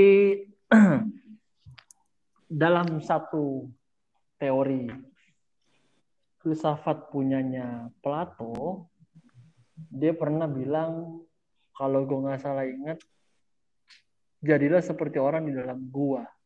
Gua. Jadi eh, ketika lo keluar Gua. lu akan melihat banyak hal baru artinya artinya bukan berarti lu jadi orang bodoh gitu maksudnya teori itu teori itu bisa kok lu lu lu lu bener-bener lu dalamin kemudian eh, di, di dijelaskan nah anggap aja gini ya ini gue bicara dari dari beberapa sudut pandang ya. bagaimana kalau kita anggap mm, yang terjadi hari ini adalah keinginan dari semua orang. Gue kasih contoh. Misalkan selama ini yang kerjanya jauh, yang tinggalnya jauh, meminta bahwa gue pengen kumpul sama keluarga, pengen menghabiskan waktu bersama keluarga, baik Hmm. itu yang ngomong adalah anak, bapak, ibu, kakak, adik, siapa pun. Kemudian dijawab, Hmm. Pum, hari ini semua kumpulkan bersama keluarga. Maksud gue gitu, contoh. iya. Hari ini Hmm. jawab. Kita kumpul bareng keluarga. Sel- sekalipun ada yang orang tuanya pekerja, kemudian cuman bisa bilang anak cuman tinggal kerja apa sekolah doang ribet banget. Nah, ketika anaknya pulang ke rumah, sekarang kumpul bersama bersama keluarganya, dia akan melihat betapa sulitnya jadi seorang guru ngedidik anaknya yang di sekolah. Kita nggak tahu kelakuannya bagaimana. Ditambah sekarang Iya, iya. Menteri Pendidikannya yang yang lagi ngelucu buat gua. Dia besar di besar di luar negeri, kuliah Bener, lahir di luar negeri, kemudian datang ke Indonesia meng- membawa sistem pendidikan yang buat gua belum saat belum bukan belum saatnya, belum tepat aja. Kita belum siap untuk hal-hal kayak begitu. Bagus tujuannya, tapi buat gua belum belum waktunya aja sih. Dia harus harusnya dua tiga tahun lagi lah baru dia bisa. Nah, balik lagi ke poin yang tadi, bos. Sekarang akhirnya dijawab nih, kita semua kumpul di rumah. Karena kok kita semua kumpul di rumah, bisa menghabiskan waktu bersama keluarga yang jauh bisa jadi ketemu, yang jarang ketemu bisa semakin ketemu, sering ngobrol di rumah segala macam. Ngabisin waktu dari situ kan bisa kita ngobrol sama orang tua, sama adik, sama kakak. Kemudian sekarang mengeluh. Kenapa tadi gue bilang, uh, gue coba sambungkan dengan tadi Plato bilang tinggallah seperti orang yang di gua. Berarti kan ketika lu di dalam goa, anggaplah goa itu adalah rumah lu. Lu kan bisa melakukan hal. Maka ketika lu keluar, lu akan jadi orang yang baru. Orang yang bahasanya apa? Uh, lu akan benar-benar oh iya iya ini ini begini. Oh iya iya ini ini begini. Oh iya iya ini ini begini karena kan bukannya setahu gue dalam sepengetahuan gue aja ya sorry kalau salah tapi sepengetahuan gue kan dalam Al-Quran itu dikatakan yang selamat adalah mereka yang yang apa bahasanya yang hmm, apa ya? Orang-orang manusia yang disebut ashabul, Ashabul Kahfi. Adalah orang-orang yang tinggal di dalam gua. yang di mana ya lu guakan diri lu dalam sebuah keheningan keheningan keheningan ya? Iya nah, lu ya lu merenungkan Mendingan. enggak tapi maksud gua itu kan terjadi Mm-mm. ketika lu di gua itu kan bukan berarti lu jadi manusia gua yang nggak ngapa-ngapain ini lu renungkan apa yang terjadi hari ini berpikir bahwa lu bisa ngapain aja mengeluh itu bagian dari keputusasaan sih menurut gua jadi ya ya ya apa ya menurut ya gue sih lebih makanya bukan Di covid gua lah kita. Tapi Kevin, Kevin. men. Ya satu covid ya satu covid bedanya itu doang Kevin itu Kevin itu artinya kita mengguakan diri Aduh. kita. gua kan Kan eh, ya ini juga bukan bahasa Hmm. gua tapi ada ada obrolan dengan salah satu kiai ya, guru gue juga eh, sering ngobrol filsafat jadi dia kasih tau gitu oh ini oh gue bilang oh ya mantap jadi kayak tadi sebelumnya gue bilang social distancing kenapa gue bilang gue tidak sepakat dengan itu gue lebih suka apa eh, tolerance apa bahasa toleransi sekarang kan di internasional sudah Mm-mm. dirubah tuh jadi physical distancing sama aja kok cuma beda kata-kata tapi ketika lu bicara Iya, toleransi maka lu distancing. akan memberikan jarak terhadap orang itu gue mentoleransi lu lu boleh ngobrol sama gue boleh deket sama gue tapi jaraknya sekian ya ketika bicara physical distancing lu Hmm. menjauh udah nggak bicara bener-bener lu akan jaga Iya, iya, jarak benar. lu ketemu gue jangan deket-deket aja. Gue nggak mau salaman. Nah gue selama covid iya. terjadi gitu. Gue masih salaman kok sama teman-teman gue bukan salaman yang enggak kayak kita cuman oi. Itu doang. Jadi ya ya balik lagi sih sebenarnya. Eh, apa ya itu tadi sih pada poin pertama yang awal banget gue bilang kan ini adalah momen di mana kita bisa melihat tingkat intelektualitas seseorang Terletak. apakah dia rendah apakah dia tinggi atau memang dia jongkok karena gue terlalu banyak iya karena gue terlalu banyak lihat orang yang bodohnya natural kemudian lama kelamaan diperhatikan bodohnya malah paripurna hmm. lucu aja men. Udah susah tuh kalau udah ke paripurna oh banyak terjadi itu gitu. mahasiswa pekerja yang ada organisasi ah gue sih cuma ketawa sambil kadang-kadang gue mikir lu kalau masih bawa isu organisasi isu titipan senior mending ke laut aja mati jadi batu reinkarnasi karena batu lebih berguna daripada manusia kadang-kadang yang terjadi sih itu Apa Oke, tadi pertanyaannya Eh, untuk boleh apa? pendengar ya? Boleh lah. Kan kita Ya, oh, new normal ya, new normal ya. Ini eh, tadi kan ngebahas Mas Riko kan ngebahas terkait baru. sejarah kan yang Bianti Ya, boleh, pertanyakan. Nah, mungkin ada pertanyaan lagi nih yang baru buat Mas Farhan Hmm. sendiri gitu. kan dari sudut pandang berbeda-beda. Nah, menurut Mas. Farhan sendiri eh, new normal ini bisa nggak sih diterapkan? oh bisa tentu Indonesia? saja menurut saya itu bisa bukan Khususnya di jam, udah jam setengah 12 ya. Kalau new normal itu sebenarnya udah di apa ya new normal ya normal baru ya kalau sekarang apa kenormalan baru ya sesuatu yang baru kalau gue sih percayanya gini kalau kita udah nggak ada sesuatu yang baru sih. Kalau misalkan balik ke ke apa namanya eh, tadi Mas Riko bilang kita nggak bisa bicara rohani, kita dikit aja lah. Ya kita semua udah udah direncanakan kan, berarti kan nggak ada yang baru gitu loh. Kalau kalau di Islam kan semua sudah tertulis di Lauh Mahfuz Ah, ah. gitu kan. Semua sudah di, semua sudah direncanakan Iya. sebenarnya. Jadi kalau Iya. jadi kalau kalau misalkan Takbir. kalau misalkan ada yang bilang ya it's a new normal ya ini salah satu rencana yang sudah direncanakan gitu. Tinggal bagaimana kita ini sebagai manusia ya kita juga masih belum sempurna juga lah. Iya. Maksudnya ya apa yang bisa kita lakukan gitu. Yang katanya di new normal ini gitu. Jangan sampai ketika kita bicara new normal ada yang kita rubah sebelumnya. Itu yang itu yang menjadi menjadi concernnya itu tuh. Oh, karena kita kaget dengan yang baru, yang lama-lama yang udah kita lakukan ditinggalin semua yang kata tadi Riko bilang. Gara-gara social distancing kita nggak bisa salaman. Gara-gara PSBB kita nggak bisa beli ke pasar. Enggak, nggak kayak gitu. Kita masih bisa gitu. Ini semua cuma Iya cuma benar. ada tahapannya aja. Tinggal gimana emang sekarang sih ya, ya yang gue bilang klise sih klise sih ya. Kembali ke pada masing-masing itu paling bener sebenarnya. Nah, tinggal memperkayanya itu yang lebih sulit gitu. Apa yang lu tangkap sekarang kan orang eh, apa ya gue bilang ya eh, mereka berbicara apa yang mereka tangkap gitu loh, apa yang mereka ambil aja gitu. Tidak tidak tidak benar-benar mengetahui seluruhnya gitu. Ya kita nggak nggak bisa eh, perfect juga sih, tapi seenggaknya itu buat diri lu sendiri dulu gitu. Jangan jangan apa yang lu udah punya terus lu kasih ke orang lain tapi lu nggak bisa mempertanggungjawabkan gitu. Itu yang terjadi di sosmed. Makanya gue mungkin salah ya salah satu orang sih ya yang nggak terlalu suka di sosmed gitu. Maksudnya nggak nggak Mm-mm. terlalu aktif lah ya. Paling ketika gue main game gitu untuk seru-seruan aja gitu. Sisanya ya gue obrolin yang seperti ini gitu loh. Yang untuk untuk bener-bener pure pemikiran gue yang ngobrolin yang kayak gini gitu. Tapi kalau untuk di ya maaf ya gue ada beberapa inilah ya beberapa ngelihat gitu temen-temen tuh banyak yang ada lah ya, kalau ngelihat di Instagram tuh kayak risih aja gitu. Ini ngapain sih orang ngomongin begini gitu. Entah entah Iya bener, gue juga, gue juga Maksud gue sepakat tuh. Bener kalau ini nih gue harus gitu. potong karena gue sepakat soal itu tuh.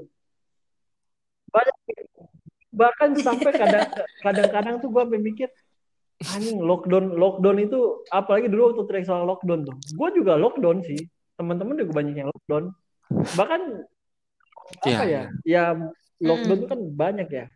Mau lockdown daerah LDR, atau lockdown yang sekarang LDR, LDR mantap gitu kan lockdown juga gitu. Mantap sih. Oh, Mm. Bu- bukan long long lo distance LDR lagi ya. itu Yang lock LDR. relationship. It's a Ada lockdown. oh, bukan lockdown relationship aja. Banyak yang terjadi dan dan itu tuh di di di di aduh gue bilang gila ini Ya maksud gue di ya semua di sosmed disangkut pautkan dengan ya tapi ya eh gue sepakat soal itu gitu gue sepakat lagi soal gini karena kasihan ini loh kasihan teman-teman kita yang nggak ngerti ya kita juga nggak ngerti sih tapi lebih kasihan lagi teman-teman yang udah nggak ngerti goblok gitu loh. Gimana sih hmm. ngobrolnya? Mm. iya udah udah udah nggak ngerti goblok disebar gitu. Nah terus dilihat tuh sama yang nggak ngerti goblok yang kesebar. Nah udah hancur. Jujur. sampai sono-sono. Dan yang yang memberita yang mm, yang yang update pertama iya. itu kan yang nggak bertanggung jawab. Kadang-kadang kan kita terlena tuh dengan apa namanya yang di Instagram itu. Seberapa ganteng ke aku tanya tanya di sini kan jawab di sini gitu kan. Habis ditanya jawab selesai gitu kan nggak ada pertanggung jawabannya gitu kan. Itu salah satunya gitu. Mungkin hmm. Pernah seperti itu kali ya apakah ini nih? Ya nggak apa-apa ya sih kalau untuk itu bisa dipertanggungjawabkan dan bisa menjadi hal yang positif gitu. Tapi kan kebanyakan kan mencibir kita itu yang bikin rusuh. Makanya kalau jujur ya di Instagram Instagram gue itu isi isinya itu follow-follow kayak sih. SpongeBob, Naruto gitu-gitu aja. dan gue apa ya, sangat sangat sebenarnya sangat eh, seru sih. Hmm, maksudnya kayak ya. eh, maksudnya selama pandemi ini kan beberapa ya banyak beberapa Hmm, orang lah nggak banyak tapi beberapa beberapa orang tuh sering kayak ayo kok kita diskusi ini diskusi ini. Gue kadang gue sering balikin boy ayo kita diskusi tapi seberapa paham lu dengan apa yang lu sampaikan? Iya, seberapa sama. paham lu dengan dengan dengan materi yang kalau paparkan gue juga nggak pintar-pintar amat. Gue juga nggak nggak kayak oh, oke lo lu bisa ini bisa ini. Tapi ketika bicaranya bicaranya sudah udah sudah sudah gue pernah pernah belum lama ini gitu baru beberapa hari yang lalu beberapa hari yang lalu kayak gue ada ada anak 420. indie lah anak ini anak ini jam sekarang itu karena Anjay. ini karena karena wah apa eh, iya dia ngomong gitu karena wah ini tuh bumi udah tua nih kita harus gini gini gini gue bilang gue kok paripurna lagi karena gue paling sangat gak gak gue paling sangat iya gue paling paling sangat sangat jengkel jengkel jengkel jeng- jengkel jengkel Hmm. sangat jengkel dengan eh safe earth.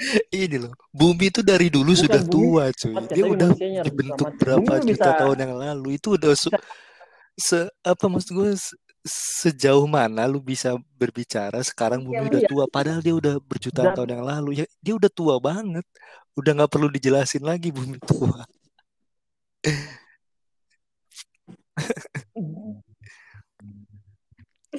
Iya, jadi kayak jadi jadi kayak Dia Apa? kali gue gue itu saking saking agak jengkelnya itu gue sampai nabrak gini. Lu pernah pernah ini gak sih? Maksudnya pernah pernah baca gak sih kalau gila bukan di situ poinnya loh dengan covid terus lu nyalain wah bumi ini udah udah tua terus manusianya perlu buset kata gue Banyak orang yang menyangkut Iya, karena kalau kita Mas, bicara gini ya, Seperti itu. eh, ini menurut gue gitu ya semesta bergerak oleh ketentuan hukum semesta Mm-mm. Nah, hukum semesta adalah kebenaran yang sama dengan hukum fisika. Menurut gua. Hmm. Jadi memahami hukum-hukum ini berarti memahami aturan permainan yang kita sebut sebagai kehidupan sebenarnya. Jadi kalau lu nggak paham tentang arti sebuah kehidupan ya lu sudah gagal. Kehidupan itu kan bukan bicara tumbuhan, enggak, hidup. Hidup itu sesuatu yang memang bernyawa. Batu juga Mm-mm. bukan bicara benda mati loh. Jadi maksud gua apa ya? Kehidupan itu harus berlangsung dalam artian bukan lagi bicara new normal, bukan lagi bicara PSBB, bukan lagi bicara COVID. Hari ini kalau kehidupan tidak berlangsung, penjarahan di mana-mana, siapa yang mau tanggung jawab? Hmm. Hari ini kalau kehidupan tidak berlangsung, kejahatan di mana-mana, siapa yang mau tanggung jawab? Kalau lu mulai contoh paling gampang, rasisme yang terjadi di Amerika, lu mikir nggak sih? Lagi covid-covidnya mereka demo besar-besaran. Andai kata itu terjadi di Indonesia, lu pada mau Iya. protes. Paling cuma sebatas teriak, masyarakat goblok, ngapain pada demo? Kan pertanyaannya, lu ngapain? Hmm, Iya benar-benar. itu loh, maksud gua. Kita bicara itu bicara kehidupan, bukan bicara lagi covid. Omong kosong lah. Ini kan proyek bicara obat sebenarnya.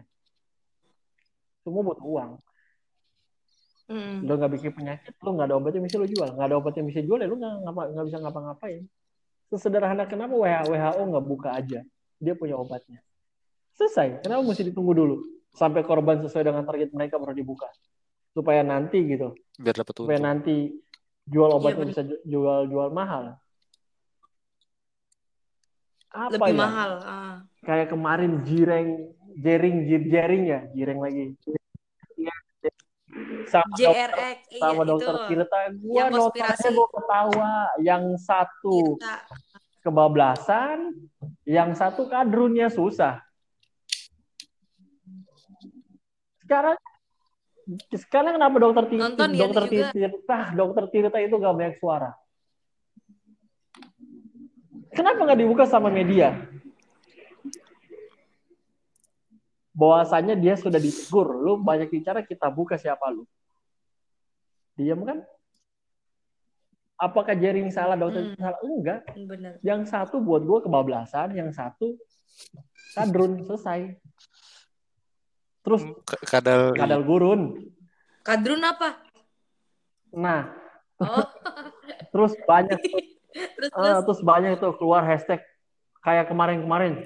Indonesia terserah gua kan baca bacanya juga gue kasihan. Iya, iya. Indonesia terserah. Sisi bener kalau kata dokter, lu gua Mm-mm. capek-capek, lu nambah-nambah penyakit, lu semuanya sendiri. Cuma satu sisi Iya kan bener. lu ngelihatnya ya kasihan juga. Ternyata dalam kondisi begini masih dimanfaatkan oleh oleh, oleh, oleh mereka yang yang buat gue sih itu bentuk keluhan sih. Men, lu kalau emang benar-benar kerja dedikasi untuk negara, Hmm. apa pun resikonya, lu jalanin. Bukan perkara lu dokter, lu polisi, lu tentara, enggak. Tapi gue Hmm. melihat hashtag itu adalah hashtag penggiringan opini seolah-olah putus asa yang terjadi, bukan semangat. Buat gue, gue tidak menyalahkan dokter, Iya, iya. tidak menyalahkan masyarakat, Mm-mm. tapi gue menyalahkan orang-orang di balik hashtag ini. Sama kayak di rumah aja. Tapi ketika lu Mm, memaknai di benar-benar. rumah aja WFA dan lu nggak ngapa-ngapain, ya maka yang gue salahkan siapa yang bikin hashtag ini? Lah iya dong. Kan baik lagi. Buat gue balik lagi. paripurna berarti itu. Lu melihatnya dari kacamata yang mana nih? Indonesia terserah. Kenapa nggak Indonesia bodo amat sekalian? Nanggung-nanggung amat terserah. iya dong. Oh, Di iya rumah aja. Kenapa nggak bilang? Nganggur aja. Gampang kan? Maksud gua sebagai sebagai masyarakat lah yang yang diberkahi akal budi pemikiran, tolonglah menilai sesuatu itu jangan dan itu terjadi di Instagram gua. Maksudnya gue punya beberapa teman-teman yang tadinya kuliah di Mercu, lulus yang masih kuliah, teman-teman di luar Mercu, banyak yang wah naikin hashtag rame-rame Indonesia terserah. Anjing, gue bilang ini lu, men lu, lu baca nggak sih? Dan kasihan aja sih tiba-tiba ngeluh. Masalahnya ketika dia naikin hashtag itu yang disalahkan adalah bukan bukan bukan cuma dokter ya tapi masyarakat yang ayo dong berlomba-lomba. Anjing lu di rumah aja cuma main Instagram segala macam terus lu nyemangatin orang berlomba-lomba. Brengsek. Kira lu kasih semangat apa nih ibarat ibarat lu nonton lomba di TV gitu kan. Terus lu di rumah tuh cuma "Oh, semangat Iya, kalau gue sih sekarang sih ya di eranya sosmed gini sih. bener. Sebelum adanya pandemi juga bijak di sosmed tuh lebih penting sebenarnya karena itu nyangkut kemanusiaan, cuy. Dan buat Bahaya isu kemarin hashtag Itu terserah bahaya loh. itu hilang rasa kemanusiaan Hmm. sungguh karena lu udah bener-bener nggak mikir iya karena bener-bener lu kayak bodo amat ya lu mau sakit gua nggak menyalahkan dokter tidak menyalahkan masyarakatnya tapi gue menyalahkan Bahaya di situ jelas runtuh tuh uh, kemanusiaan. Bicara kemanusiaan itu udah bahaya. Makanya gak heran Iya, kalau tadi iya, lu iya, iya, Farhan itu itu gue sedih bilang banget ya pas rumah sakit nolak nyokap lu gini ya karena itu tidak bicara kemanusiaan. Lu punya berapa? Itu bahaya loh jadi Hmm. buat buat gue ya itu tadi hashtag hashtag konyol Maksudnya kayak gitu tuh yang teman-teman nih yang, ya yang udah paham gitu, aduh Tuhan jangan memperkeruh keadaan kita gitu. Kita di sama-sama di kolam yang sama-sama keruh gitu, tapi tinggalkan siapa yang bisa jinjit, siapa yang bisa berenang kan Hmm. gitu doang. Udah lah.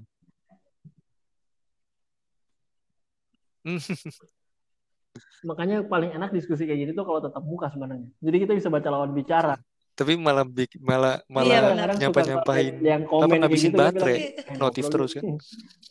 Lucu aja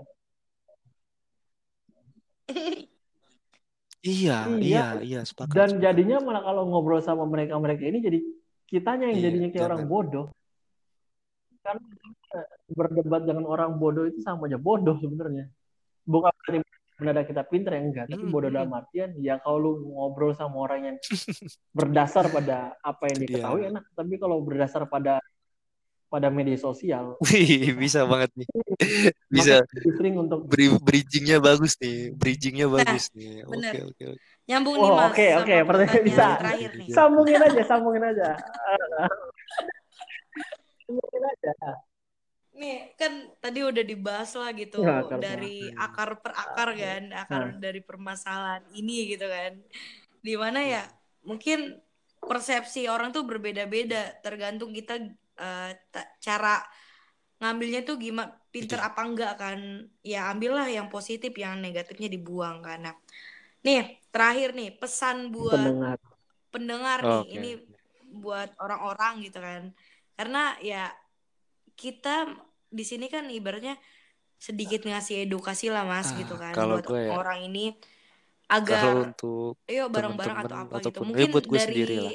Mas Farhan sendiri. Kalau selama gimana kalau mas? untuk sekarang ya masa pandemi sekarang ya satu ya kalau lu lagi nganggur di rumah ataupun bijak di Instagram itu paling eh bukan Instagram doang ya bijak di semua sos- sosial media itu langkah pertama lu untuk menimbulkan rasa kemanusiaan lagi sih selesai sebenarnya selama itu lu jaga selama itu lu nggak nggak macem-macem gitu di Instagram dan lain emang atau orang kan ini adalah tempat di mana gue bisa bersuara. Oke bisa bersuara tapi kasihan temen-temen lu yang cuma bisa mendengarkan gitu. Jadi alangkah baiknya ya sosial media ya kembali ke tempatnya semula lah gitu. Jangan dijadikan sebagai sumber yang valid di sosial media gitu. Walaupun misalkan sekarang banyak-banyak ya banyak juga media-media juga beralih ke sosial media gitu untuk mencari engagement mereka ke eh, masyarakat. Tapi seenggaknya kita yang masyarakat biasa ini ngelihat sosial media udah gitu cukup gitu. Nggak perlu lah apa-apa lagi ngobrol gitu ya. Maaf ya gue eh, kejadian nyokap gue ini gue takutnya apa namanya temen-temen tuh kayak apa ya banyak kan kejadian seperti itu juga kan kayak lagi direkam apa ya rekam ya kan apa apa rekam apa apa divideoin apa apa disebar lagi apa segala macam tapi nggak tahu akarnya seperti apa gitu nggak bisa Mm-mm. dijelaskan. Makanya ya kita sama-sama lah kompet apa ya namanya ya Yes. eh, kooperatif lah dengan dengan stakeholder yang sekarang lagi bekerja gitu. Teman-teman yang si Rico yang lagi di FNB teman-teman kita yang lagi di rumah sakit apa yang mana kooperatif di situ aja. Nah kita yang di rumah yang nganggur yang cuma bisa main HP udah cukup gitu loh. Cuma ya bantu sebisanya aja gitu. Jangan jangan langsung nyebarin hal-hal yang tidak bisa dipertanggungjawabkan sih. Sedih gue Lu Rico gimana? Mata Heru nih. Nah, nah buat Mas Riko Mas, Apa pesan-pesan? statement akhir nih. Ah, apa ya? Gua sih mungkin lebih kayak apa sih statement terakhir? Gua nggak pandai dalam bisnis statement penutup sih. Kalau untuk kritisi-kritisi yang menjengkelkan orang lain mungkin Menghujat. gue bisa. Ah, iya, gue suka menghujat sebenarnya. Karena enak menghujat orang bodoh itu enak. Kita jadi kelihatan pintar. Ah, apa ya? Apa sih namanya? Kalau ditanya Ah. statement terakhir ya. sih Ah, bijak sih, harus bijak dalam satu menggunakan media sosial. Itu terus Ah, kedua Mm. berhentilah ah, menelan mentah-mentah berita Hmm. apa pun itu sih. Karena buat gua media sosial atau media informasi apa pun nggak bisa 100% lu percaya. Ya, gua pun baca berita gitu. Tapi gue juga kadang kalau kayak misalkan contoh aja, kayak tadi gue bilang gue punya teman di Amerika di Washington, di Washington DC. Gue waktu baca kasus ketika gue tahu Amerika COVID parah, gue ngabarin dia, gue nanya gimana kabar lu di sana. Kita ngobrol banyak, gue nanya informasi seputar di sana dan dia juga nggak baik-baik aja. Bahkan untuk sekedar pulang ke Indonesia aja, itu dia baru bisa pulang itu ini tanggal 7 besok dia nyampe di Indonesia itu dengan proses yang cukup panjang prosedur yang cukup panjang. Dia mau pulang pertama kebentuk PSBB karena Menteri Dalam Negeri apa Menteri Luar Negeri itu kasih Iya, kasih apa penerbangan. ini kan apa namanya luar ultimatum bahwa nggak boleh ada tuh yang keluar masuk Indonesia Mm. ataupun keluar masuk daerah. Nah itu ya itu dia dia dia kepentok itu mau nggak mau urusnya agak lama lagi sampai akhirnya sekarang dia boleh dia udah bisa balik. Dan di tanggal 7 besok dia sampai. Nah maksud gua ya gue juga kadang baca berita kayak gitu gue coba bandingkan dengan temen gue di sana karena kita terus komunikasi Ya, salam lah buat temen lu yang ngobrol nanti gitu. datang Ya, ke sini ya. Untuk beberapa minggu ini udah enggak tapi setahu tanggal 7 ini dia Kenapa lu yang salam balik? Gue Apa? salam temen lu di Tahu nih siapa nih? Tunggu berarti kan salam balik iya gue mewakili Iya, dia udah itu itu penting. jadi ya, ya ya gitu maksudnya kayak kayak bijak lah maksudnya jangan Ah, jangan ya ini ini satu nih. Eh, Itu. bijak itu perlu dan dan Hmm. dan perbanyak baca literasi. Litera literasi itu kan hanya buku. Kita kan ter ter, ter apa ya beberapa Iya. orang itu masih ter terbentuk pemikiran literasi itu Hmm. hanya buku loh. Enggak literasi itu hanya buku. Banyak kok lu baca HP juga literasi sebenarnya. Iya, orang juga literasi sebenarnya Cuman ya gimana gimana lu menangkap informasi aja, tangkaplah informasi sebanyak banyaknya. Kemudian coba diskusin aja, diskusi dengan dengan siapa pun, diskusin, obrolin, cari sudut pandang yang berbeda. Kita terlalu, gue sih bukan kita ya, That's it. gue melihat terlalu sering orang update berita itu secara subjektif. Ya menurut dia aja, Iya. dia nggak mau objektif Gua dalam melihat suatu hal sih. Jadi itu yang yang fatal dan itu berlaku untuk siapa pun mahasiswa, masyarakat, pekerja, gembel. Iya, itu itu Mm. itu berlaku dan apa ya? Ya berhentilah untuk mengkritisi hal-hal yang sebenarnya lu nggak paham. Jangan jadi aktivis media sosial kalau lu nggak pernah benar-benar paham soal apa sih sebenarnya aktivis. Sekedar membedakan mana media massa sama eh, apa? Sorry, eh, apa sih namanya itu? Oh, apa sih? Gue lupa tuh istilahnya tuh bukan media massa apa sih? Oh, Aksi massa sama masa aksi aja kalau lu nggak bisa bedain ya, ya, ah, lu bukan aktivis menurut gue. Ini paling gampang dan dan ya kan karena banyak tuh aktivis Mm, sos- media sosial aktivis banyak banget. Yang tadinya nggak pernah oh, tiba- tiba-tiba, weh heboh demo di media sosial. Gue juga demo sih, demo masak, demo demo minum, demo makan. Jadi ya ya bijak sih. Karena gini, gue Hmm. mungkin akan nutupnya dengan begini. Matahari untuk diri lu sendiri. Lu ter apa ya? Masih banyak orang terlalu banyak untuk Mantap. berusaha jadi terang untuk orang lain, tapi penuh kegelapan dalam dirinya. Mantap. Jadi ya, jadi ya, jadilah terang untuk diri lu sendiri. Jadilah matahari untuk diri lu sendiri. Ketika lu bisa jadi terang untuk diri lu, Aja. insya Allah, Bagus loh. siapa tahu Penutupnya luar lu bisa biasa. jadi terang untuk orang banyak. Itu sih kenyataannya. Bener mas, Menurut bener. gua. Di mana ya? Bisa aja lu. Ini ah. keren banget sih. Ini obrolan kita hampir dua jam. nih, mak makasih banget Oke. nih buat Mas Riko dan Mas Farhan. Makasih banget nih Mas. Eh, emang ilmunya sangat Oh, iya, sama-. Semoga eh, buat para pendengar nih bisa lebih memilih-milih berita mana yang valid atau tidak valid. Jangan sampai kita yang menjadi terbodohi oleh berita tersebut kan. Nah, itu saja dari Hmm. ngesantui malam ini. Terima kasih buat Lu narasumber kita gak sih yang gue sangat luar apa biasa. namanya ngelambain tangan gak Dan- kelihatan juga ya? Bye bye. Gue dada itu. Udah.